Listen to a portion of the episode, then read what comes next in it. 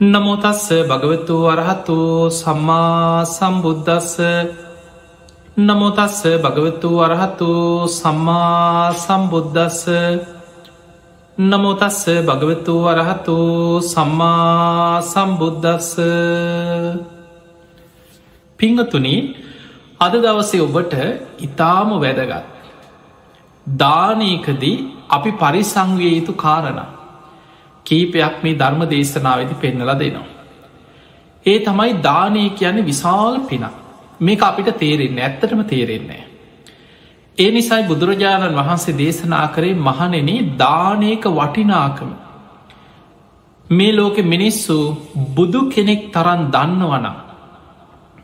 තමන් කොච්චර කුසගින්න හිටියත්. අප ඉතම කන්න නැතුව ඉඳලා දවස් ගානක් කන්නනෑ කවුරු හරි කෑම එකක් දෙනවා. මේක කාගෙන කාගෙන යන්න තරම් පුද්දුම කුසගින් නක්තියෙන් හැබැයි දානයේ වටිනාකම දන්න කෙනා සතෙකුට හරි පුංචි කොටසක් හරි දන් දෙනෝකි. ඒ තරන් දානයේ කානිසංස ප්‍රබලයි. බුදුරජාණන් වහන්සේ පෙන්නනවා ආත්ම සීයක් එක සතෙකුට කෑමටිකක් තුන්නොත් එක සතෙක්. ඒක විපාක ආත්ම සීයක් සසර ආනිසංස ලැබෙනවා කිය. ඒ නිසා මේ දානී කියන්නේ මහා පිනක් දැම් බලන්න මේ බුද්ධ ශාසනයේ ප්‍රථමව ඇතිකරගන්න ඕනෑ සම්මාධිට්ටිය බුදු හාන්දුරු පෙන්වේ පළවෙනි මේක ලෞකික සම්මාධිට්ටිය අත්ති දින්නම් දානයේ විපාක ඇත. තමන් කරන යහපත් දේවල්වල විපාක ඇත. තමන් කරන හොඳ නරක කර්මයන්ගේ විපාක ඇත. එදකොට මෙලවක් ඇත පරලවක් ඇත. ඔය විදිහට අපි කතා කරන එකට කියන දසවස්තුක සම්මාධිට්ටිය ඒ සම්මාධිට්්‍යය ගොඩ නැගෙන්නෙම මේ දානය කර්ම කරම්පල පිම් පව් ගැන ඇති කරගන්න සම්මාධිට්ටිය. එහෙමනම් අපිට ලෝකෝත්තර සම්මාධිට්්‍යය ගැන චතුරාරි සත්‍යය. දැන් බොහෝ දෙනෙක් ගැරමුණ අනේ කොහොමහරි නිවන් දකින්න ඕන. අනේ කොහොමහරි චතුරාරි සත්‍ය අවබෝධ කරන්න. අඩුම ගානි සෝවාන්වත් වෙන්න තියෙනවනං කියලා අපි හිතනවා. හැබැයි පිංහතුනි මතක තියාගන්න ඔබ ලෝකෝත්තර සම්මාධිට්්‍යය කරා යන්න නං පළමු ඔබ තුළ ඇතිවිය යුතුයි ලෞකික සම්මාධිට්්‍යය. කර්ම කරම්පල විශ්වාසේ පිම් පව් විශ්වාසේ. ලෞකික සම්මාධිට්්‍යයවත් නැතුව පිම් පව් ගැන විශ්වාසයක් නැතුව. අඩුගානෙ දානයක් අද්දීලා පින්කරගන්න හිත නැමෙන් නැත්නං ඔබ කොච්චර චතුරාරි සත්‍යය ගැන මාර්ග පල ගැන නිවන ගැන භාවනාව ගැන මොනවා ඔබ කතා කරත්. ඔබේ හිත කොච්චර ඒවට කැමති බව ලෝකෙට පෙන්න්න ඔබ උත්සාහ කරත් ඔබට ඒ මාර්ග යාගන්න පුළුවන්කමක් නෑ. ඒ නිසා පලවෙනිම දේ තමයි ලෞකික සම්මාධිට්ටිය. ඒ ලෞකික සම්මාධිට්ටිය තුළ පිහිටපු කෙනා තමයි ලෝකෝත්තර සම්මාධිට්ටිය කරායන් ඒ නිසා පිංහතුනි අතහැරීම ත්‍යාග සම්පත්තිය දන්දීම කියන එක මේ බුද්ධ ශාසනී මුලින්ම පුරුදු කරගත යුතු දෙයක්. නිවන් අවබෝධය පිණිස පාරමී පුරණ ඒ උතු මාරයන් වහන්සේලා සසර පුරුදු කරන පාරමී ධර්ම අතර පලවෙනිම එක දාන පාරමිතාව. එතනින් තමයි පටන්ගන්න. දාන සීල නයිස්ක්‍රම්ය ප්‍රඥා වීරිය කන්ති සච්ච අධිට්ඨාන මෛත්‍රී උපෙක්කා. මේ තමයි දස පාරමී ධර්ම. මේ පාරමී ධර්ම පාරමී හැටියට උපපාරමී හැටියට පරමත්ත පාරමී හැටියට සම්පූර්ණ කළ යුතුයි ලෝතුරා සම්බුද්ධත්වයට පත්වෙන කෙනෙ. පසේ බුදු කෙනෙක් නම් ඔය දස පාරමී ධර්ම පාරමී උපපාරමී හැටියට සම්පූර්ණ කළ යුතු. අග්‍රශ්‍රාවකයන් වහන්සේලා අසූ මහශ්‍රාවකයන් වහන්සේලාදී ඒ උතුම් මහරහත්තන් වහන්සේලා පාරමී හැටියට සම්පූර්ණ කළ යුතු. එහෙමනම් අපිට පේන අපි සසර පුරුදු කළ යුතු දෙයක් දානේ. අත්තහැරි මේක දවසින් දෙකින් කරන්න පුළුවන් දෙයක් නොයි සංසාර පුරුද්දක් හැටියට පුරුදු කළ යුතු දෙයක්. මේ දානය ආනිසංස සසර තමන්ගේ පසු පස සෙවනැල්ල වගේ ලැබෙනවා සේමයි කෙනෙක්ගේ දානෙ වලක්වල කෙනෙක්ගේ පිනට ගරහලා කෙනෙක් දන් දෙන එක වැලැක්වොත් ඒක විපාකත් කල්ප ගණන් සසර ලැබෙන. ඔබ බලන්න මේ මේ සිදුවීම හොඳට. කාශ්‍යප බුද්ධ ශාසනී කාශ්‍යප බුද්ධ ශාසනය කියන්නේ මේ මහා බද්ධ කල්පේම අපේ බුදුරජාණන් වහන්සේට කලින් පහළ වනේ කාශ්‍යප බුදුහාමුදුර. දට කකුසඳ කෝනාගමන කාශ්‍යප. අපේ බුදුහාන්දුරතුමයි ගෞතම බුදුහාන්දුර මේ මහා බද්ධ කල්පේ අපි මේ ඉන්න හතරවෙනි අන්තක් කල්පය පළවෙනි අන්තක් කල්පෙ තම කකු සඳ බුදුහාන්දුර පහළ වුණේ. දෙවනි අන්තක් කල්පේ කෝනාගමන බුදුහාන්දුර තුන්ගෙන අන්තක් කල්පෙ කාශ්‍යප බුදුහාම අපි මේ ඉන්න හතරවෙනි අන්තක් කල්පේ මහා කල්පයකට අන්තක් කල්ප හැට හතරක් තියෙන එතකොට පිංහතුනේ මීට පෙර වැඩහිටිය කාශ්‍යප බුදුහාන්දුරන්ගේ කාලේ ඒ ශාසනය තුළ පැවිදි වෙච්ච සාමීන් වහන්සේ නවා උන්වහන්සේ පැවිදි වෙලා හැබැයි ධර්මාවබෝධයක් මාර්ග පලාවබෝධයක් ලබාගෙන හිටිය නෑ තිං උන්වහන්සේ ඇත ආරන්න එක උන්වහන්සේ සාමාන්‍ය පැවිදි ජීවිතය ගත කරගෙන හිටිය පිංහතුනි මතකතියාගන සිවුර පොරෝපු ගමන් සියලු කෙලෙස් නැතිවෙනවා නෙමේ ඒකට උත්සාහ කළ යුතුයි සිවුර පොරෝපු ගමන් කෙලෙස් නැති වෙනවානං ඉපදිච්ච ගමන් සිවරද්දාන්න නතියෙන්නේ බුදු හාමුදුරුවයි දේශනාම ඔය විදිහටම සිදු කර. ඒ නිසා ගිහිද පැවිදිද කියන එකට වඩා පැවිදි කෙනෙකුට තියෙන්නේ මේ මාර්ගය යන්න පහසුයි. ඉක්මනින් මාර්ගයාගන්න පුළුවන් හැබැයි ඒ මාර්ගය යන්න ඇත්න සිවුරු පොරෝගත්ත හැමෝම අප්‍රමාදීව නිවන් දකින්න මහන්සි වෙනවන්නෙමේ. එතකොට එදා මේ සාමයෙන් වහන්සේ ඉති මේ ආරාමි තුළ හිටිය අයිතින් නමුත් නිවන් දකින්න ලොකු උත්සාහයක් වීරයක් නෑ. ඔහොම ඉන්න අතරේ චාරිකාය වඩින සාමීන් වහන්සේ අතර මහරහතන් වහන්සේ නමක් මේ ආරාමිට වැඩි. වැඩම කරලා ඉතින් අවසර ඉල්ලවා මට දින කීපයක් මං මේ චාරිකාය වඩින ස්වාමීන් වහන්සේ නමක් මට මේ ආරාමි වැඩඉන්න පුළුවන්ද කියලා. තින් බලල කරලා ආ හොඳයි කිය. තැන් උන්වහන්සේට මේ ආරාමි වැඩඉන්න ඔන්න කුටියක් දුන්න. උන්වහන්සේ බොහෝම තැම්පත් බොහොම සාන්තයි ධර්මාවබෝධය ලබපු උතුම් මහරහත්තන් වහන්සේ නම හැබැයිතින් උන්වහන්සේ මේ එන හැමෝට මන්රහත් මන්රහත් කියකි නෑ උන්වහන්සේගේ ඒ අවබෝධය උන්වහන්සේ තුළ පිහිටලා තියෙනවා. දැම් මේ ආරාමයට එනවා තව දායකයෝ එනවා පිරිස එනවා. අර ස්වාමීන් වහන්සේව දැකලා මිනිස්සු ඒ හාමුදුරුවන්ට ගොඩක් පැහැදුනා. අනේ මේ හාමුදුරු හරීම තැම්පත් බොහොම දමනය වෙච්ච කෙනෙ හරි සංවරයි. බොහොම සාන්තයි. උන්වහන්සේ නම් බොහෝම ගුණහාපත් වගේ කියලා උන්වහන්සේ ගැන බාහිරින් දකින ඉරියව් පැවැත්ම ඔස්සේ මේ ආගන්තුක වැඩම කරපු මහරහත්තන් වහන්සේ ගැන පැහැදීමක් ඇතිව. හැබැයි ඒ පැහැදීම ඇති වුණාට දැන් අර ආරාමි වැඩඉන්න අනිත් හාමුදුරුව ප්‍රධාන හාමුදුරු කැමතින. මේ කොහෙවත් යැන හාමුදුරුව කෙනෙ මේ මගේ ආරාමිට මේ දවස්කීපයකට ඇවිල්ලා දැන් අපේ දායකයන්ටත් එයා තමයි ලොකු කියලා අන්න එහෙම හැඟීමක්කා මේ ඉරිසියා වෛර වහිතේ තියෙනවා. ධර්මය අවබෝධ කරගන්නත්තෙක් මේ මේ ආදීනව දැකල ප්‍රහාණය කරගන්නත්තෙක් ඒ ස්වභාවයන් සසර යනවා. තිං ඔය අතරේ දැන් කල් ටික දවසක් යන්නකොට කල්පනා වුණා මේ හාමුදුරුව කොහොමහරි මෙතනින් ඉක්මනින් යවාගන්න ඕන. මේ මගේ ආරාමෙන් මෙතනින් පන්න ගන්න ඕන මේ මහා කරදරයක් අපේ දායක ඔක්කොම යාට තමයි පහදින්න කියලා හිතුණ. එහෙම හිතල දැන් නොයෙක් උපක්‍රම කල්පනා කර කරන්න අතරේ ඔන්න දවසක් කල්පනා කරා මෙයාට දානි නොදී හිටියනම් හරි. ඔය ඊට පස්සේ අයියන්න. අපිට මිනිස්සු ගෙනහල පූජ කරන දානමාන අපි මෙයාට සමාට නොදී අපි වලදම.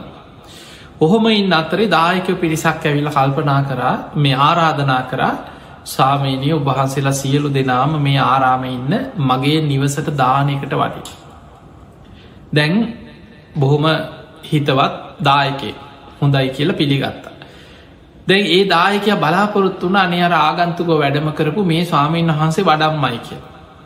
දැන් ඒ හාමුදුරුවන්ට ආරාධනා නොකර දැන් දානට යන්න අනිත් කට්ටිය ලෑස්ති වුණ. ලෑස්ති වෙලා දැන් අර ප්‍රධාන හාමුදුරු කල්පනා කරා මෙයාව මෙතනින් එලෝ ගන්නත් ඕනෑ නමුත් දැන් මගෙන් ඇහුවොත් මේක මට බේරෙන්න්න ක්‍රමයක් තියෙන්න්නත් ඕන සාමානයෙන් ඔබ දන්නව ආරාමෝල ගෙඩිය ගහනවා කියලා දානට කලින් තියෙනවා ලී කොටේකින් සකස් කළ එකට සාමාන්‍ය කියන්නේ ගෙඩිය ගහනවා කිය. ඒ ඒකට තවත් ලීයකින් ගහනකොට ගන්ටාර ගැහුව වගේ ගන්ටාර හඬ නෙමේ අර ලියකින් ගහනකොට ඒ හඬ ඇහෙනවා. එතකොට තමයි දාන වෙලාව කියල අනිස්වාමීන් වහන්සේලා පාත්තර අරගෙන දාන ශලාවට වඩින්. එතකොට මේක දැන් දානට වඩින්න කලින් මේ හාන්දුර මොකද කරේ නිය පොත්තෙන් හිමීට ඒකට තට්ටු කරා දේමි නිය පොත්තෙන් ගහන එක මේ කුටිවලට ඇහෙන හඩක් නෙමේ දැන් මම් ගෙඩිය ගැහව කියලා කියන්නත් පුළුවන්. එතකොට නිය පොත්තෙන් විතර ඒකට තට්ටු කර. තට්ටු කරලා අපි යන් යන්න කියලා දැන් ඔන්න දානයට ගියා. අර හාමුදුරංග තියලා ගියා. දැන් දානට ගියාට පස්සේ අනේ අර දායක වැැහු අනේ ස්වාමීනය උබහන්සේලා කොහෝ අර හාමුදුරුව? උන්වහන්සේත් වඩිය කියලනේ අපි ගොඩා කාසාාවෙන් බලාගෙන හිටිය. දැන් අනේ අර මිනිස්සුයි හාමුදුරන්ගේ ගුණ කියනඒ හාමුදුරුණක් හරි සංවරයි හරීම හොඳ ගුණ හපත් කෙනෙක් පාට කියන්න කියන්න මෙයාට දැන් තරහයන මුන්ටත් ඉතින් මේ අලුතෙන් ආපු කෙනා තමයි ලොකු කියලා අන්න එහෙම දැන් කේන්තියක්කාව මේ හාමුදුරන්. ඒ කේන්තියා වගේමයි ඒත් අත් දැන් අරදායක ඇහවා කෝ මේ හාමුදුරුව? ඇයි වැඩිය නැත්තේ? කිව්ව මේ යාගේ වැඩේ කුටියට වෙලා නිදි කීවා. එන්න ඇකිව දාන වෙලාවට දාන්ශලාවටවත් අදත් අපි ගෙඩිය ගැහුව කීවා. ආවෙ නෑ කියව ඉතින් අපි පරක්වෙන් නිසා ආවයිකි ඒත් අනේ අර දායකව අප හැදෙන් නැතුව දැන් දානය පූජා කළ. මේ සාමෙන් වහන්සේලාට දාන පූජ කළ අවසන් වෙලා ඊට පස්සේ වෙලාවත් තව ටිකක් තියෙනවා. ඉක්මනින් මොකද කරේ? කිරිබත් පාත්තරයකට බෙදලා කිරියාහාර සකස් කරලා දුන්න ස්වාමිනී හෙමනක් කමක් නෑ ඔබහන්සේලා දැන් ඉක්මනින් වඩින්න. උන්වහන්සේට මේ කිරිබත් පාත්තරේ උන්වහන්සේට පූජ කරන්න උන්හස කුටී දං එක වලඳයි කියෝ. ඉරාවරට යන්න කලින්. දැන් ඔන්න දාලාවට මොකද කිරිබත් පාත්තරයක් දුන්න අතටම ගිහිල්ලා උන්වහන්සේටම දෙන්න කියල දායකව දැන් තවත් කේන්ති ගියා. මංගේ පැ මේක උත්සගෙනයන් කොහොම හරි මං මේ මෙයාව පන්න නො කවන්නන් අද කිරිබත් කියලා දැන් ඔන්න හිතේ දැන් වෛරයක් දවේශයක්කාව දැන් ඔන්න ආපහු අරගෙදරින් පිටත් වෙලා ආරාමයට එනකොට මග ගිනි ගොඩක් තියෙන මේ ගිනිකොට ළඟට ඇවිල්ලා කල්පනා කරා කවන්නංකො දානය අද? කියලා අනි අර පාත්තරේ කිරිබත් පාත්‍රීම හැළුව ගිනි ගොඩට. දැම් මේ ඔබ හිතන්න මේ හිතේ ඇතිවෙච්ච ඉරිසියාව වෛරයත් එක්ක නොදැනුවත් හරි මේ ඉරිසියා කරන්න වෛර කරන්නේ දානටික ගිනි ගොඩකට හැලුවේ කාවෙනුවෙන් පූජා කරපු දානයක්ද. උතුම් මහරහතන් වහන්සේ නමක් වෙනුවෙන් පූජා කරපු දානයක් මේ ගිනි ගොඩට හැලුවේ. මෙන්න මේක දැක් උන්හන්සේ කුටිය භාවනා කර කර වැඩ ඉන්නකොට දැක්ක මේ සිදුවී. තමන්ට පූජා කරන්න කියලා දීපු කිරිබත් පාත්‍රී ගිනි ගොඩකට හලනවා. උන්වහන්සේ දැක්ක මේ හාමුදුරු අනේ විශාල අකුසලයක් කරගත්තා කියලා. තවත් මං මේ ආරාමි වැඩ හිටියොත් තවත් මේ භික්‍ෂුව බොහෝ අකුසල් රැස් කරගනි. ඊට පෙරමම් මෙතනින් යායුතුයි කියලා උන්වහන්සේ එතනින් පිටත් වෙලා උන්වහන්සේ වැඩිය. ආරාමට මේ හාමුදුරුව එනකොට උන්වහන්සේ කුටියෙන් පිටත් වෙලා වැඩම කරව.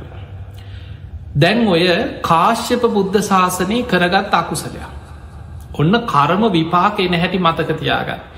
කෙනෙකුගේ දානයක් වලක් කලා තවත් සිල්වත් ගුණුවත් කෙනෙකුට දානෙ දෙනකොට ඒකට ඉරිසියා වෙලා. ඒ පූජා කරන්න කියලා දීපු දානටික ගිනිකොඩකට දාලා රැස් කරගත්ත කර්ම විපාකි. සසර කොච්චර විපාක දුන්නද කියලොබ බලන්න. එක කර්මයක විපාක ආත්ම සිය දහස් කනන් සමහර වෙලාවට ගෙවන්න සිද්ධ වෙනවා. ඒ ජීවිතයේ ඒ භික්‍ෂුව මේ කාශප බුද්ධ ශාසනය සිවුරුදාගත්ත කෙනෙක් එදා ඔයදේ කරේ. ඒ ජීවිතේ මරණින් මත්තේ නිරේට වැටුන එතකොට බලන්න සිවර හිටිය කියලායි සුගතියන්න බැරි වුණ. අර රහතන් වහන්සේ නමකට දානය වලක් කොළ රැස් කරගත් අකුසලෙන් මරණින් මත්තේ නිරේ ඉපදුනා. අපායි බොහෝ දුක්විඳමින් අපායි බොහෝ කාලයක් අවුරුදු දස දහස් ගාන කපායි දුක්විඳල දුක්විඳලා අපායින් චුත වෙලා යක්ෂයෙක් වෙලා ආත්ම පන්සීයක් යක්ෂාත්මික ඉපදුනා කිය. මේ යක්ෂයන් මුළු යක්ෂාත්මෙම සාපිපාසාවෙන් පුදුමාකාර දුකක් වින්ද කියෙන්. ආත්ම පන්සීයක් එදකොට පුංචි කාලයක්ද කියල බලන්න යක්ෂයෙක් වෙලා සා පිපාසාව කුසගින්න පිපාසෙ මුළු ශරීරෙම දනව පිච්චෙනවා. කුසගින්න නිවෙන්නේ. හැබැයි ඒ එකම ආත්මය ඒ ආත්මක එකම වේලා තමන්ගේ ජීවිතය ආවි සවසන්වෙන්න පෙර එකම වේලක් කුස පුරෝගන්න මොනවා හරි අපිරිසිදු දෙයක් ලැබෙනවා.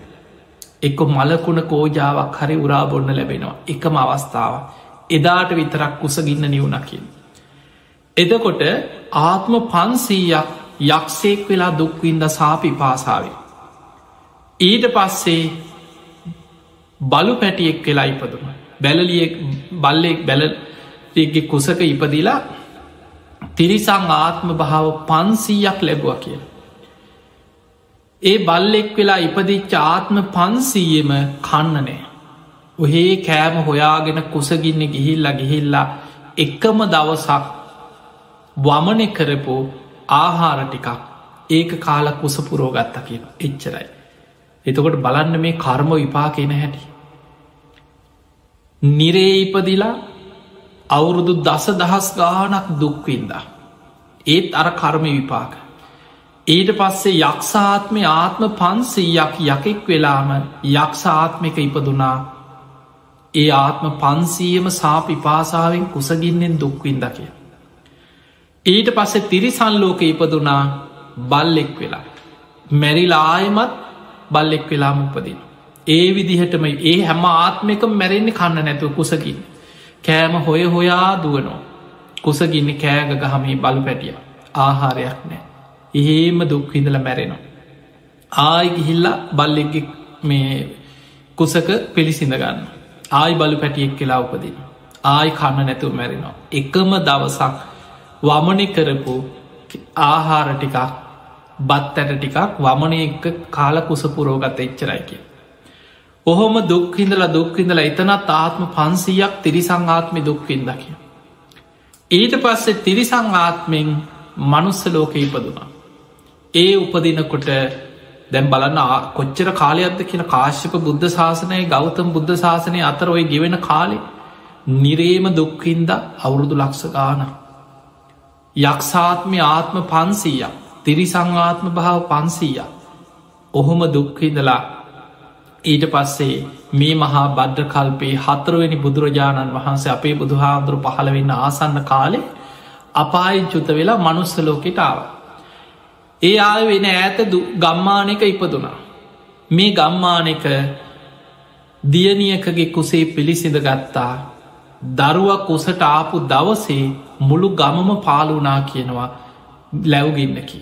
ගමේ ගෙවල් විනාස වෙලා වගාවල් විනාස වෙලා මුළු ගමම පාලු වෙලා ගියා කුස පිළිසිඳ ගත්ත දවස. මේ ගමේ මිනිස්සු විශාල පිරිසකට උන් හිටි තැන් නැති වුනා කියෙන් මේ පවුලට මහපාරට බහින්න සිද්ධ වුණ. ගමේ මිනිස්සු ඒ කාලේ හිටියව අනාවැකි කියන අය දයිවඥයෝ නොයෙක් අයි ඒ කාල රජවරුට් අතින්දල තියෙනවා මිනිස්සු හොයලා බැලුවා කවුද මේ මොකක්ද මේ අපිට වෙච්ච විපත මේ පවුලේ මේ ගෙවල් වල කොහේ හරි අවාසනාවන්ත දරුවෙක් පිළිසිඳගෙන තියෙනවා. කෞද මේ අවාසනාවන්ත පවකාරය කාගේ කුසේද පිළිසිඳ ගත්ත කියලා හොයල බැලු. බලනකොට ඒ ගමේ නිවසක දියනියගේ කුසේ දරුවෙක් පිළිසිඳගෙන. මිනිස් ඔක්කොම නෑයෝ මේ ඔක්කොම ගමයින්නේ නෑදෑ ඥාති පිරිස හැමෝම පැන්නවා. මෙන්න මේ පවකාර අවාසනාවන්ත දරුව නිසා තමයි අපේ ගමම විනාසුනේ මේ ගමේ ඉන්න එපා කියලා නියර අම්මව දැන් දරුවක් උසේ වැඩෙන මේ අම්මව අර නෑදෑය අතරින් ගමෙන් එලෙව්වා. මේ අම්මා දරුවක් උසේ වැඩෙනවා පාරක් පාරක් ගාන හිඟමන යනවා. පාරවල්ල ඇවිද ඇවිද යනවා. බොහෝම දුක්වින්ද. මේ දරුවක් කුසේ වැඩෙන කොටත් හිඟමනේ ගියත් හිඟමනක් හම්බෙන් නෑ කිය. බලන්න කර්ම විපාක පස්සෙන් ගෙන හැටි. ඔහොම දුක්විඳලා කුණු කානුවල තියනේවා. පිළුණු වෙලා විසි කරලා දාලා තින ඕව තමයි කාලකුස පුරෝගන්න. ඔබ දැකල ඇති ඔහොම මිනිස්සු ඕන තර මෙ පුදුමයක් හැටියට ඔබ හිතුවට මේ සමාජ බලන්න ඔහොම මිනිස්සු පාරවලල කොච්චර ඉන්නවද කියලා. ඔබ බලන්න සාමාන්‍ය ලංකාව ගත්තොත් කොච්චර දරුව වඩාගෙන පාරවල්වල හිඟාකන අම්මල. ඉන්දියාවට ගිහිම් බලන්න කොච්චර දුක්විදිනා ඉන්නවද කියලා. දරුව වඩාගෙන දුක්විදින කන්න නැතුව පාරවල්වල වැටිලා අර කුණු කානුවල කුණු බාක්‍ය අවස් හවස්ස ඉන්න අය කොච්චර ඉන්නවාද. එතකොට මේ අම්මත් අර දරුවක් උසේ වැඩෙන කාලේ අන්ත දුක්වින් මහ පාරිම දරුව බිහිරුණ. ස්පිරිතාලවල ගිහිල්ලා බොහොම සැපසේ රෝහල්ලොල දරුව බිහි වෙන වනිමේ පාරවල්ලොල වීදිවල දුක්හිදි නම්මල මහ පාරිම දරුව බිහිවුණ. දැන් අර දරුවා වඩාගෙන හිඟමනය යනවා. හිඟන්න ඉන්න ගමකට ගියත් අනිත් හිඟන්නොත් ගහල පන්නන එන්න පාමී පැත්තට. මේ කාලකන්නේ ළමය අරගෙන මේ අවාසනාවන්ත ගෑනි මේ ළම අරගෙනාවත් අපිටත් හිඟමනක් නැති වෙනවා පලයල්ලා කියලා අනේ ගහල පන්නනවා. දකින දකින හිගන්න ගහල පන්නනවාර ළමය වඩාගෙන නම්මට. බොහෝම දුකසේ කුණු බාක්කිවල තියනේව කානුවල තියනේව තමයි කෙන කකාහිටි. ඔය අතරේ දන්සැලා බොහොම දනවස් සිටුවරු රජවරු දුගී මගේ යාචකයන්ට තම තමන්ගේ විශේසිත දින රාජාභිසේක දින ඔය වගේ දින මුල් කරගෙන දන් සැල් දෙනවා. දන් සැලක් දෙනකොට දුගී මගේ යාචකයන්ට අසරණ මිනිස්සුන්ට කන්න දෙන හොඳට. නමුත් මේ ළමය වඩාගෙන අර පෝලිමේ ආවත් දන්සැල ළඟට එනකොට කෑම ඉවර වෙනවා බෙදලා ඉවර වෙන. ඔය හේතු නිසාම බැරිවෙලා හරි අතට කන්න එකක් දුන්නත් මේ ළමයට කන්න ගන්නකොට බිමහලා ගන්න. ඊට පස්සේ එක්ක කෑවත් අර වැලි කැට ඒවත් එක්ක තමයි බත් ඇට ටිකක් හරි අවුලගෙන කන්නේ. මේ අවාසනාවන්ත දරුවක් කොහෝම හරි අර අම්මා යන්තන් ඇවිදගන්න පුළුවන් වෙනකන් දුක් විඳවිඳ ගුටිකාගෙන මේ ළමය හදාගත්ත. චුට්ටක් ඇවිදගන්න පුළුවන් වයසේනකොට තැටියක් අතර දීලා කිය පුතේ උඹ නිසාමං විඳපු දුක දැන් ඇති කියව.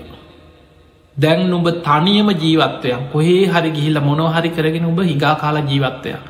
මගේ පස්සෙන් නඟින්න එපා කියව මටත් ජීවත්වෙන්න අතක් නැතුව මට ගුටි කාල මැරෙන්න්නවෙන්.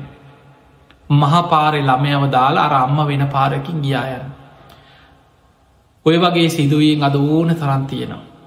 ඉන්දියාව ගත්තොත් ඔව සාමාන්‍ය දේවල්. ඔහේ දරුව පාරවල්ලු ලම්මල නෑ ඔහේ තැටි අරගෙන හිඟමනය ඔහේ යනු. එතකොට මේ ළමයා තැටියක් අරගෙන දැන් මේ ළමයගේ නම තමයි ලෝසක. මේ පුංචි දරුවා තැටියක් අරගෙන යනවා යන්න යන තැන හිඟන්නු ගහන. හිඟමනක් හම්බෙන්නේ. අන්ත දුක් විඳවිඳ ඔහොම කාලිගෙවුණ ඔය අතර සාරිපුත්ත මහරහත්තන් වහන්සේ. මේ බුද්ධ ශාසනයේ ප්‍රඥාවන්තයන්ගෙන් අග තැම්පත් ධර්ම සේනාධිපතින් වහන්සේ සාරිපුත්තයන් වහන්සේ පින්ඩ පාති වඩිනු. පින්ඩ පාති වඩිනකොට මිනිස්සු සාරිපුත්තයන් වහන්සේට දම්බෙදන. මේ ළමය ඈතදි දැකලා අර තැටි අරගෙන සාරිපුත්ත හාන්දුරු පස්සෙංආාව. හැබැයි අර දම්බෙදන මිනිස්සු කාටවත් මේ පස්සෙන් එන ළමය දැකලා අනේ මේ ළමයටත් කෑමටිකක් දෙන්න ඕනෙක එහෙම හිතෙන්නේ. සාරිපුත්ත හාමුදුරුව දානි පාත්තරයට ලැබුණට පස්සේ ආරාමිට වැඩිය. මේ ළමයත් සාරිපුත්ත හාමුදුරුව පස්සේ මා වනේ මට මොනවහරි බත් කටක් හරි දෙයි කියලා. සාරිපුත්ත මහරහත්තන් වහන්සේ ආරාමිට වැඩම කළ දානය වලදන්න වැඩඉන්නකොට දැක්ක ඇත ඉඳම් පොඩි ළමයි බලාගෙනීම. සාරිපුත්ත හාන්දුරු දානය වලදන දිහා බලාගෙන හිටිය සාරිපුත්තයන් වහන්සේ මහා කරුණා ඇති අනුකම්පාසාගත කෙනෙක්. සාරිකුත්ත හාමුදුරුව අර ළමයට කතා කරලා එන්න පුතේ කියලා අර අතේ තියෙන තැටියට සාරිකුත්ත මහරහත්තන් වහන්සගේ පාත්තරෙන් දාන ටිකක් තමන්ට බෙද ලැබිච්ච දාන ටිකින් කොටසක් අර තැටියට බෙදලා අර ළමයට දුන්න. දීපු ගමන් බිමහලා ගත්තා. බිමහලාගෙන අර වැටිච්ච වැලි කැටත් එක්ක මේක කනවබීම. සාරිකුත්ත හාමුදුරු නුවනින් බැලවා මහා අකුසල විපාකයක් මේ ගෙවන්නේ. සසර කර්ම විපාකයක් ගෙවන ළමයෙක්මේ. අනුකම්පාවක් ඇති වුණ උන්වහන්සේ දාන වලදල අවසන් වෙලා මේ දරුවා ආරාමි නවත්ත ගත්තා. තිං භික්‍ෂූන් වහන්සේලාට ලැබෙන දානවලින් ටිකක් දෙනවා. ඒ දුන්නත් මේ ළමය කන්න ගන්නකොට එක්ක පිළුණු වෙලා. මේ හොඳට තියෙන දා කෑම ටික. මේ ළමයට තැටියට බෙදලා දෙනකොට ඒ ටිකට කන්න ගන්නකොට එක්ක පිළුණු වෙලා එක්ක බිමහලාගන්න. බලන්න කර්ම විපාකවල හැටි. ඔය අතරේ සාරිපුත්ත හාමුදුරු කාලයක් ඉඳල කල්පනා කරා මේ ළමයා පැවිදිකරොත්. වීරියෙන් බණ භාවනා කරගත්තොත් කෝමහරි මේ ජීවිතේ මේ අකුසලේ ගෙවා ගන්න පුළුවන්නම් කොට සක්කරි. මේ විඳින දුක සසරේ විඳපු දුක සාරිකුත්ත හාමුදුරු අනුකම්පාවෙන් මේ දරුවාව පැවිදි කරා. ඔන්න ලෝසක පැවිදි වෙච්ච හැටි. දැම් පැවිදි වෙච්ච දවස ඉදං ආරාමිටත් දානෙ නෑ. ඔන්න මතක තියාගන සමහර කර්ම විපාක සමහර පුද්ගලයන්ගේ විපාක ඒ ළඟඉන්න අයටත් ඒවා කැරකිලා එනවා. දැන්ව බහල ඇතින එක අනි පැත් සීවලී මහරහත්තන් වහන්සේ යම් ආරාමික වැඩහිටියනං හැමෝටම දානටික ලැබෙන.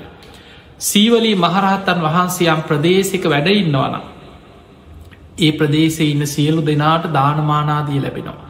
සීවලි හාන්දුරු පිණ්ඩ පාති වඩිනවන යම් පාරක ඒ පාරි පිණ්ඩ පාති යන හැමෝටම ප්‍රනීත විදියට දානටික ලැබෙන. ඒ පිනේ විපාක ලැබෙනවා වගේ මයි ලෝසකගේ අකුසලේ විපාකත් අනිත් අයටත් ඒවා ඒ ආරාමයින් අයටත් දැන් දානිනේ. ලෝසක පාත්තරය අරගෙන පිණ්ඩ පාති යනවා.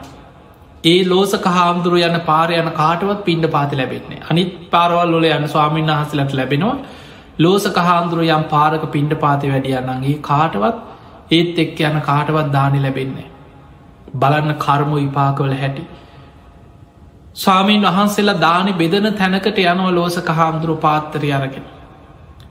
මිනිස්සු අර පෝලිමේන කොට ලෝසක හාමුදුරන්ටත් කමන් දැ පෝලිමේනෙන්නේ අර පොදුවේ බෙදෙන විදිහට හැන්දට දානටි කාරගෙන බෙදන්න හදනකොට මිනිස්සුන්ට පේනවා පාත්තරේ දානි තියෙනවා වගේ බෙදන්න හදල මිනිස්සු ආපහු ගන්නවා කිය.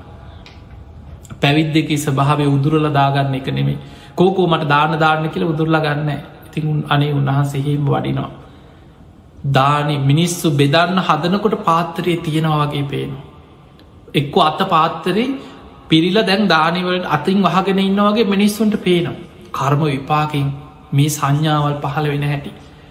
ලෝසක හාමුදුරුවන්ට පැවිදි ජීවිතයේම කුස පිරෙන්න දාන ටිකක් ලැබුන්නෑ කිය. උන්වහන්සේට ලැබුණ ලැබිච්චදේ පිළුණු වෙච්ච දෙයක් ලැබෙන. එක්ක උන්වහන්සගේ පාත්තරයට කොහොම හරි දානි හැන්දක් බෙදුවත් වලදන්න ඉඳගන්නකොට ඒටික පිළුණු වෙලා. ඒත් උන්වහන්සේ ප්‍රත්තිවෙක්ෂා කරලා නුවනින් සල කළ වලදන. වැඩිපුරම දවස පුරාම කුසගින්නේ තමයි උන්වහන්සේ වැඩයි. උන්වහන්සේට පුරුදුයි කුසගින්. සමහන්ලාවට සක්මන් කරනකට කලන්තය හැදිල එහෙ මැදගෙන වැටෙන.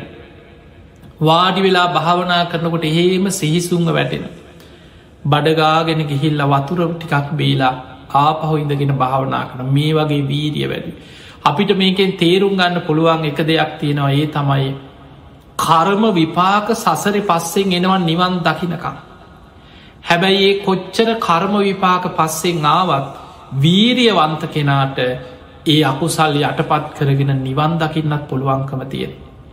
ලෝසක හාමුදුරුවන්ට ඔච්චර කරදරාවත් ලෝසක හාමුදුරුවොත් නිවන් දකින්න ගත්ත උත්සාහය අතහැරීනෑ. සාරිපුත්ත මහරහතන් වහන්සේ තමයි ආචාරයන් වහන්සේ. සාරිපුත්ත හාමුදුරු මහා කරුණාවෙන් සාරිපුත්ත හාමුදුරු කරුණාවෙන් උපදෙස් දුන්නා ලෝසක ඔබ වීරිය වඩත්. ඔබේම පෙර අකුසලයක් ඔබේ පස්සෙන් ඔයෙන්නේ. ඔබ කොහොම හරි මේ ජීවිතේම ධර්මය අවබෝධ කරගෙන මේ දුකෙන් මිදන්න උත්සාහ කරන්න. නැත්නං ඔබට කල්ප ගනම් මේ කර්ම විපාක ගෙව ගෙව සසර යන්න වෙන. ඔබ මේ ජීවිතේම වීරිය වඩ ලෝසක හාමුදුරුවෝ මේ උපදේ සාරගෙන පුද්දුම වීරියෙන් භාවනා කරනවා සක්මන් කරනවා ඒ අත්තර නිතර කුසගන්න නිසා සිහිසුන් ඇදගෙන වැටෙන. ඔය විදිහට වීරිය වඩලක් කොහොම හරි වීරියෙන් භාවනා කරලා ලෝසක හාන්දුරෝ ජයගත්තා. කෙලෙසුන්ගෙන් මිදිලා උතුම් මහරහතන් වහන්සේ නමක් බවට පත් වුණ. දැන් රහතන් වහන්සේ නම ලෝසක මහරහත්තන් වහන්සේ. මතකතියාගන්න රහත් වනා කියලා රහත් වෙච්ච ගමන් අර කර්ම විපාක ඉවර උන්නේ. ඒ අකුසල විපාක පිරිනිවන් පානකම් විපාක දුන්න. ඒවට ධර්මය කෙන ප්‍රවෘත්ති විපාක කිය. ඔබහල ඇති රහතන් වහන්සේලාටත් පිරිනිවන් පානකන් කර්ම විපාකදීපු සිදුවීම් ගැන ධර්මය සඳහන් ලෝසක හාමුරන්ටත් ඒ වගේ. දැන් උන්වහන්සේ රහත් වෙලා රහතන් වහන්සේ නම පින්ඩ පාති වඩිනම්. ඒත් දානි ලැබෙන් නැවෙනද වගේමයි. පාතරයට දාන බෙදන්න සූදානන්නකොට මිනිස්සුන්ට පේනවා පාත්‍රයේ දාන පිරිල වගේ. එක්ක පාත්‍රය අතින් වහගෙන ඉන්න වගේ පේන. ඔහොම කාලෙ ගත වුණා ලෝසක හාමුරන්ට වැඩි ආවිශ තිබෙනේ. ලෙඩ රෝග බහුල දැන් ඔබ හිතන්න ඔහොම කන්නත් නැත්න. හරියට කුසගින්නට ආහාරයකුත් නැත්නම් හොඳ බේතක් හේතක් වැටෙන්නෙත් නැත්නම් කොහෙද දීර්ඝාවිශ විදෙන්. හැබැයි උන්වහන්සේ කොහොම හරි ධර්මය අවබෝධ කරගත්තා. දවසක් සාරිපුත්ත මහරහතන් වහන්සේ උදෑසන භාවනා වඩනකොට එදා උන්වහන්සේ දිවසින් දැක්කා ලෝසක මහරහතන් වහන්සේ අද පිරිනිවන් පානු. උන්වහන්සේගේ ජීවිතයේ දිහා සාරිපුත්ත හාන්දුරුව දිවසිම් බැලුවා ගෙවාගෙනාපු ජීවිතේ. මවකුස ඉපදිච්චත් සංසාරි පැත්තක. ඒ ජීවිතේ මවකුසෙන් ඉපදිච්ච දවසේ දංවත්. අර පොඩි දරුව තැටියක් කරගෙන ඒ ජීවත් එච්ච ගිහි කාලෙවත්. පැවිදි වෙච්ච ජීවිතයේ පැවිදි ජීවිතයවත් කවදාවත් කුස පිරෙන් මට දැන් ඇති කියලා හිතෙන විදිහට කුස පිරෙන්න කවදාවත් දානටිකක් ලැබිලනෑ. ප්‍රනීත දානයක් තියා කුස පිරෙන්න්න කවදාවත් දානටිකක් ලැබිලනෑ. සාරිකුත්ත හාන්දුරුව අනුකම්පාවෙන් කල්පනා කරා අද පිරිනිවන් පාන දවස. අද මගේ අතින්ම මං ලෝසක මහරහතන් වහන්සේට පින්ඩ පාත ගිහිල්ල මම්ම පාත්තරයට දානය අරගෙන ඇවිල්ල උන්වහන්සේට මගේ අතින් පූජා කරන පිරිනිවන් පාන්න පෙර කුසපුරෝගන්න. සාරිපුත්ත මහරහතන් වහන්සේ අනුකම්පාවෙන් පාත්තරය අරගෙන උදෑසනම ලෝසක හාමුදුරන්ගේ කුටියට වැඩම කර වැඩම කරන කිව්ව ලෝසක ඔබහන්සේ අද පින්ඩ පාති වඩින්න එපා. ඔබහන්සේට මමම පින්ඩ පාති කරගෙන අද දානය අරගෙන ඇවිල්ල මගේ ඇති මං ඔබහන්සේට අද දානි පූජා කරනවා. හොඳයි ස්වාමීනී කියලා ලෝසක හාමුදුරු නතර වුණා. වැඩියත් බොහෝ වෙලාවට දානි ලැබෙන්නේ එක්කො ලැබෙන්නේ පිළුණු වෙච්ච දෙයක්. නමුත් ඉතින් ශාසනික පුරුද්ධ චරියාව තමයි භික්ෂුවක් ඒ දාන වෙලාවට ලැබුණ හෝ නොලැබුණා හෝ පින්ඩ පාති වඩින්. දැන් සාරිපුත්ත හාන්දුරන්ගේ කී මහල ලෝසක හාදුරු නතර වුණ. සාරිපුත්ත මහරහතන් වහන්සේ පාත්තරය අරගෙන රජමැදුරට වැඩි. මොකද සාමාන්‍ය පාරක වඩිනවට වඩා අනි අද පිරිනිවන් පාන දවසේ රාජ භෝජනවලින් ප්‍රනීත විදිහ දානයක් උන්වහන්සිට පූජා කරගත්තොත් හොඳයි කියලා හිතුනා. සාරිපුත්ත හාදුරු රජ මැදුරට වැඩියා කියලා රජ්ජුරුව දැනගත්තා. සාමීනී වඩින්න කියලා ආසනයක් පනවල ගෞරුවාන්විතව උන්වහන්සේ වඩම්මලා වඩා හිදවල රජ්ජුරුවෝ රාජ භෝජනවලින්ම ඉක්මනින්ම ගෞරවෙන්ම සාමිනි ඔබහන්සේට මන්දානි පූජා කරන්නම් කියලා පාත්තරයට දානෙ පූජා කර. පූජ කළ රජ්ජුරුව දැන් වැඳගෙන වාඩි වුණා. සාරිපුත්ත හාන්දුරුව පින් අනුමෝදන් කළ පාත්තරය අරගෙන වැඩම කරන්න සූදාරං වෙද්දි රජ්ජුරුව හනො ස්වාමීණී ඔබහන්සේ වලදන්න එක්ද. රජතුමනි මේ දානක ආරාමි වැඩඉන්නවා ස්වාමීන් වහන්සේ නවක් උන්වහන්සේට හරියට දානයක් ලැබෙන කෙනෙක් නෙවෙයි. උන්වහන්සේට යද මේ දානකමං පින්ඩ පාති කරගෙන අරගෙනයන්. රජ්ජුරුව කිවනේ ස්වාමීනය ඔබහන්සේ ඕක වලදන්න. ඔබහන්සේ මෙතන වැඩඉඳල වලදන්න. උන්වහන්සේට අදමං රාජ භෝජනවලින්ම දාන පාර්සලයක් හදල මං ඉක්මනට මාලිගායම සේවකය කතේ යවන්න. ඔබහන්සේ වලදන්නකු. රජ්ජුරුවොත් සාරිකුත්ත හාමුදුරන්ට අඩුපාඩු බෙදන්න එතනම රජ්ජුරුවොත් වාඩි වෙලා සාරිපුත්ත මහරහතන් වහන්සේට දානී පූජා කරමින් සාරිපුත්ත හාමුදුරු වලඳන හැටි බලාගෙන පින් අනුමෝදං වෙවී රජ්ජුරුවොත් එතන වැඩහිටිය. අනි සාරිපුත්ත දැ රජ්ජුරුවන්ගේ කීවනි සාරිපුත්ත හාමුදුරු දානටික එතන වැලදු. රජ්ජුරු ඒ වෙලේම සේවකයකුට සාරිපුත්ත හාමුදුරු ඉදිරීම කතා කරලා කිව්වා ප්‍රනීත විදිහටම මේ රාජ භෝජනවලින් දානි පාර්සලයක් හද හදලා ආරාමි වැඩඉන්නවා සාමීන් වහන්සේ නමක් උන්වහන්සේට ඉක්මනින් ඒ දානක ලැබෙන්න සලස්සන්නකි. දැන් සේවකයකුට පණවිඩේ දුන්න සේවකයා රජ්ජුරුවන්ගේ භෝජනාගාරඉන්න කෙනෙකුට පණවිඩේ දැනුන්දු. ඔහු මොකද කරේ ආහාර පාර්සලයක් බොහොම ප්‍රනීත විදිහට රාජ භෝජනවලින්ම දානක හදල තව සේවකයකුට දුන්නම් රජ්ජුරුවන්ගේ පණවිඩයක් මේ කරගෙන ගිහිලා ආරාමේ සාමීන් වහන්සේට පූජ කරලා එන්න. දැම් මේ සේවකයා මේ කරගෙන මග යනකොට ඒ පැත්තට යන පාරි ළමේ කම්බුණ ඇහව කොහෙද යන්නේ? ආරාමි පැත්තෙන් කිව යන්නේ. ආ එහෙනම් මෙන්න මේ මට වැඩකුත් තියෙනවා හදිස්සියේ.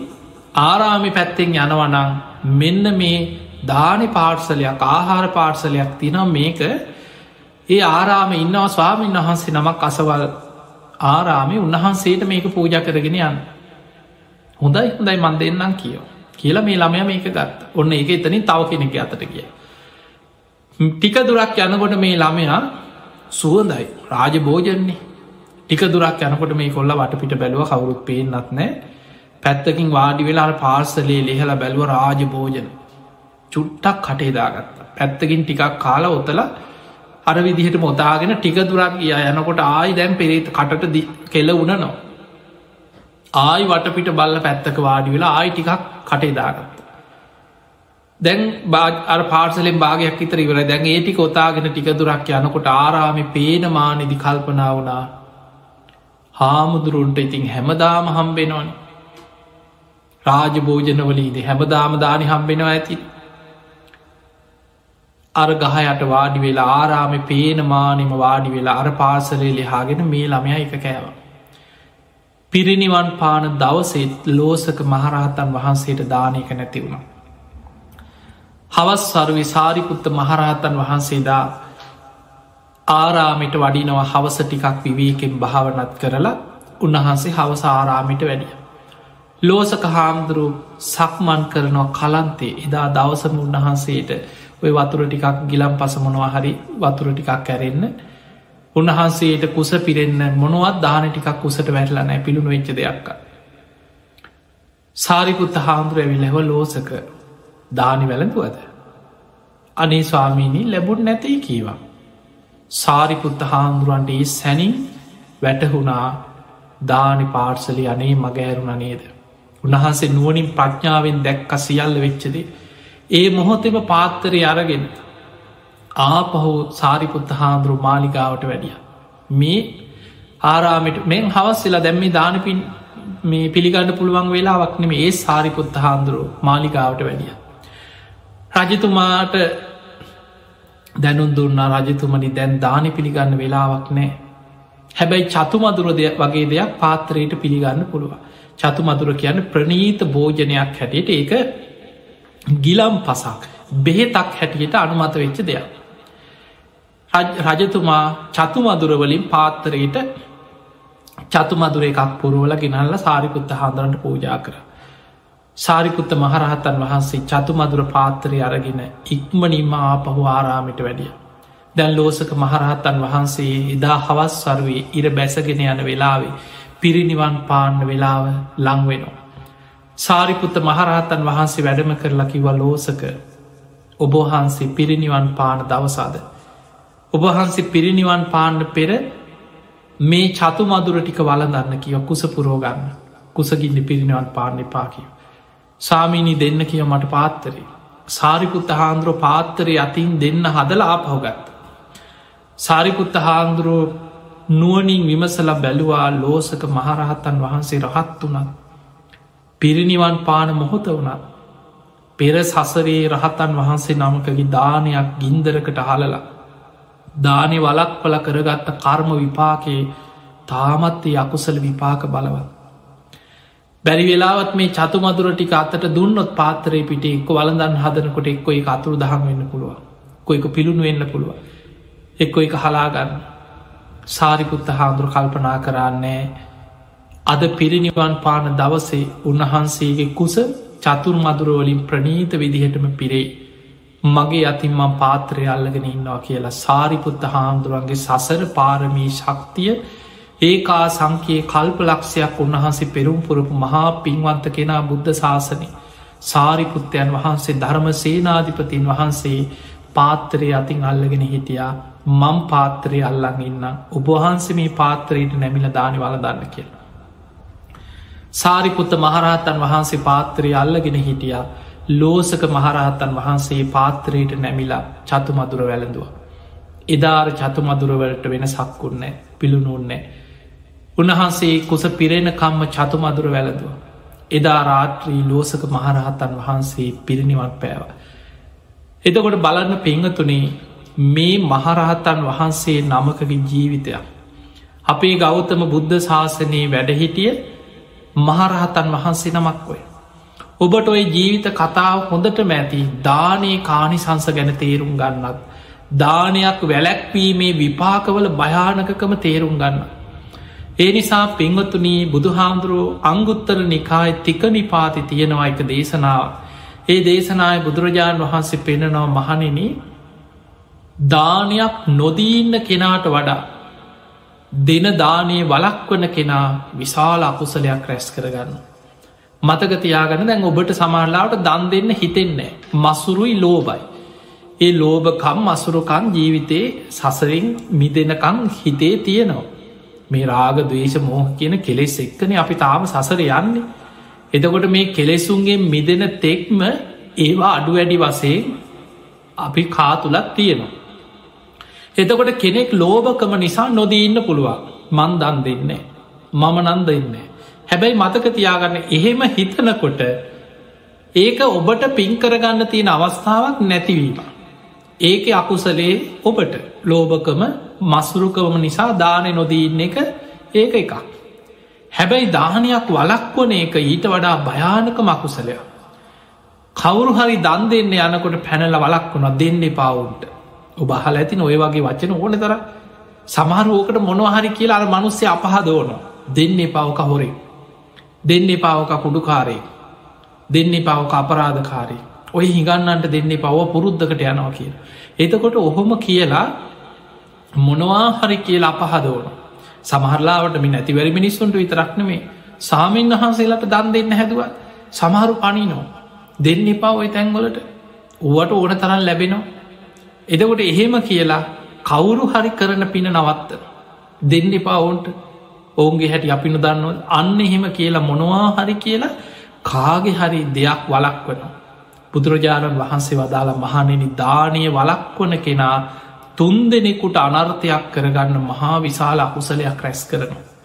එකක් තමයි දානය වලක්වන කෙනා දන් දෙන කෙනාට දානය තුළ රැස්වෙන්න තිබ පින ඔහුට අහිමි කරලා දාන. ඔන්න දන් දෙන කෙනාට රැස්වෙන්න තිබ පින ඔහුට නැති කරනවා දානය වලක් වන කෙනා. එතකොට ලැබෙන කෙනාට ලැබෙන්න තිබ්බ ලාභයක් නැති කරනවා. ඔන්න දෙන්නෙකුට අනර්ථයක් කරා. දෙන කෙනාට රැස්වෙන පිනත් නැති කරා ලැබෙන කෙනාගේ ලාභයක් නැති කරලා දැම. ඒ සියල්ලන්ට පෙර තමන් දානය වැලැක්වීම තුළ තමන්ගෙම ගුණ තමන් නසාගන්නවා කිය. තමන් විශාල අකුසලයක් රැස් කරගන්න. එතකොට දෙන කෙනාගේ ලාබෙත් පිනත් නැති කරනවා ලැබෙන කෙනාගේ ලාභයක් නැති කරනවා තමන්ගේ ගුණයක් නසාගන්න. තුන් දෙනෙකුට අනර්ථයක් කරලා විශාල අකුසලයක් සසර රැස් කරගන්න.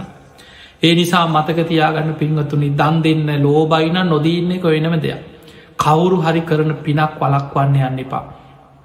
මැදින් පැනල අහක යන කරුමවලට කරගහන්න යන්න එපා. හිගන්නෙක් ගෙවත් දෙන්න එපා කියලා ඒ ලැබීම නවත්හන්න යන්න එපා. ඒ නිසා ඔබ පුළුවන් තරන් මේ පිනේ විපාක අකුසලේ ආදීනව දන්නවන දැම් බලන්න ලෞකික සම්මාධිට්්‍යයක තියෙන වටිනාකම. ඒ නිසයි බුදුරජාණන් වහන්සේ පෙන්වේ මහනෙනි ලෝකෝත්තර සම්මාධිට්්‍යය ඇති කරගන්නත් පළමුුව ලෞකික සම්මාධිට්්‍යය තිබිය යුතුයි. පින් පව් විශ්වාසය කර්ම කරම් පල විශ්වාසය මෙලෝ පරලෝ පිළිගැනී. දක්කිනා විභංග සූත්‍රය කියල දේශනාවක් තියෙන. ඒ දේශනාවටිකක් දිග දේශනාව. ඒ දේශනාය බුදුරජාණන් වහන්සේ දානය ආනිසන්සේ කින්න එක එකින්න එක එකින්න එක විස්තර කර කර පෙන්න්නන.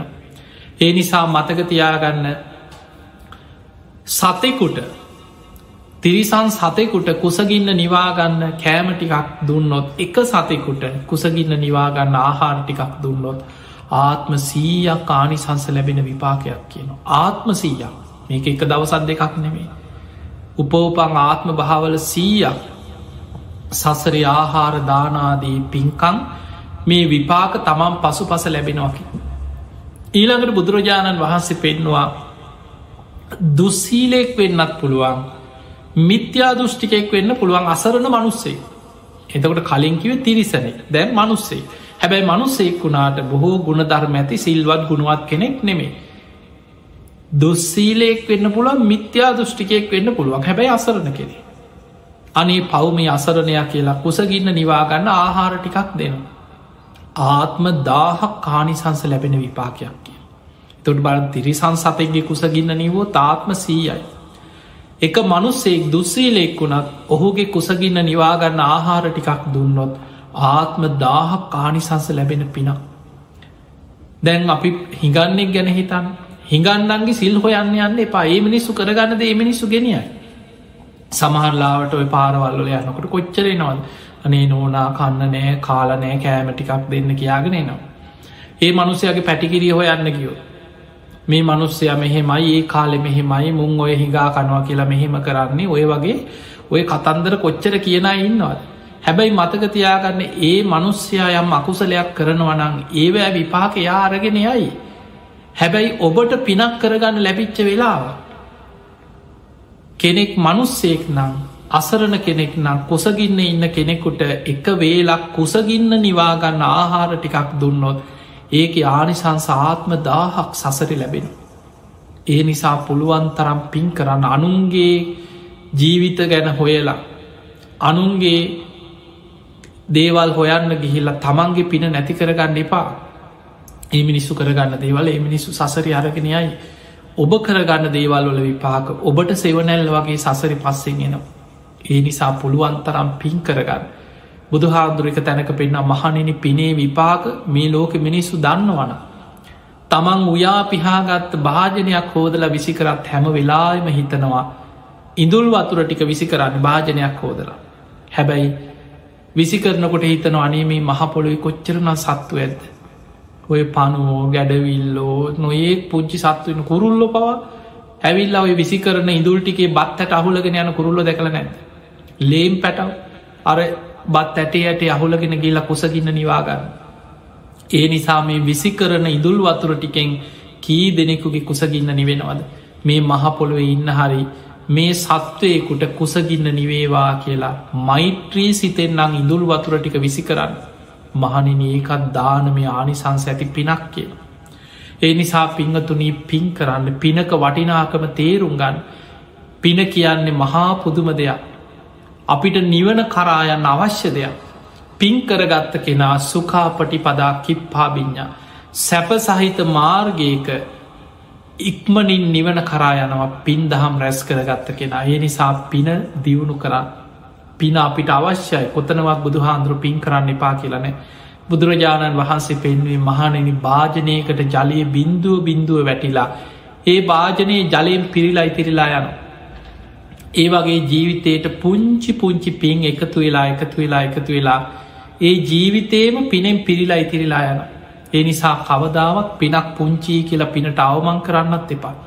පුළුවන් තරම් පුංචි පුංචි පින එකතු කරලා ජීවිතය පිනෙන් පුරෝගන්න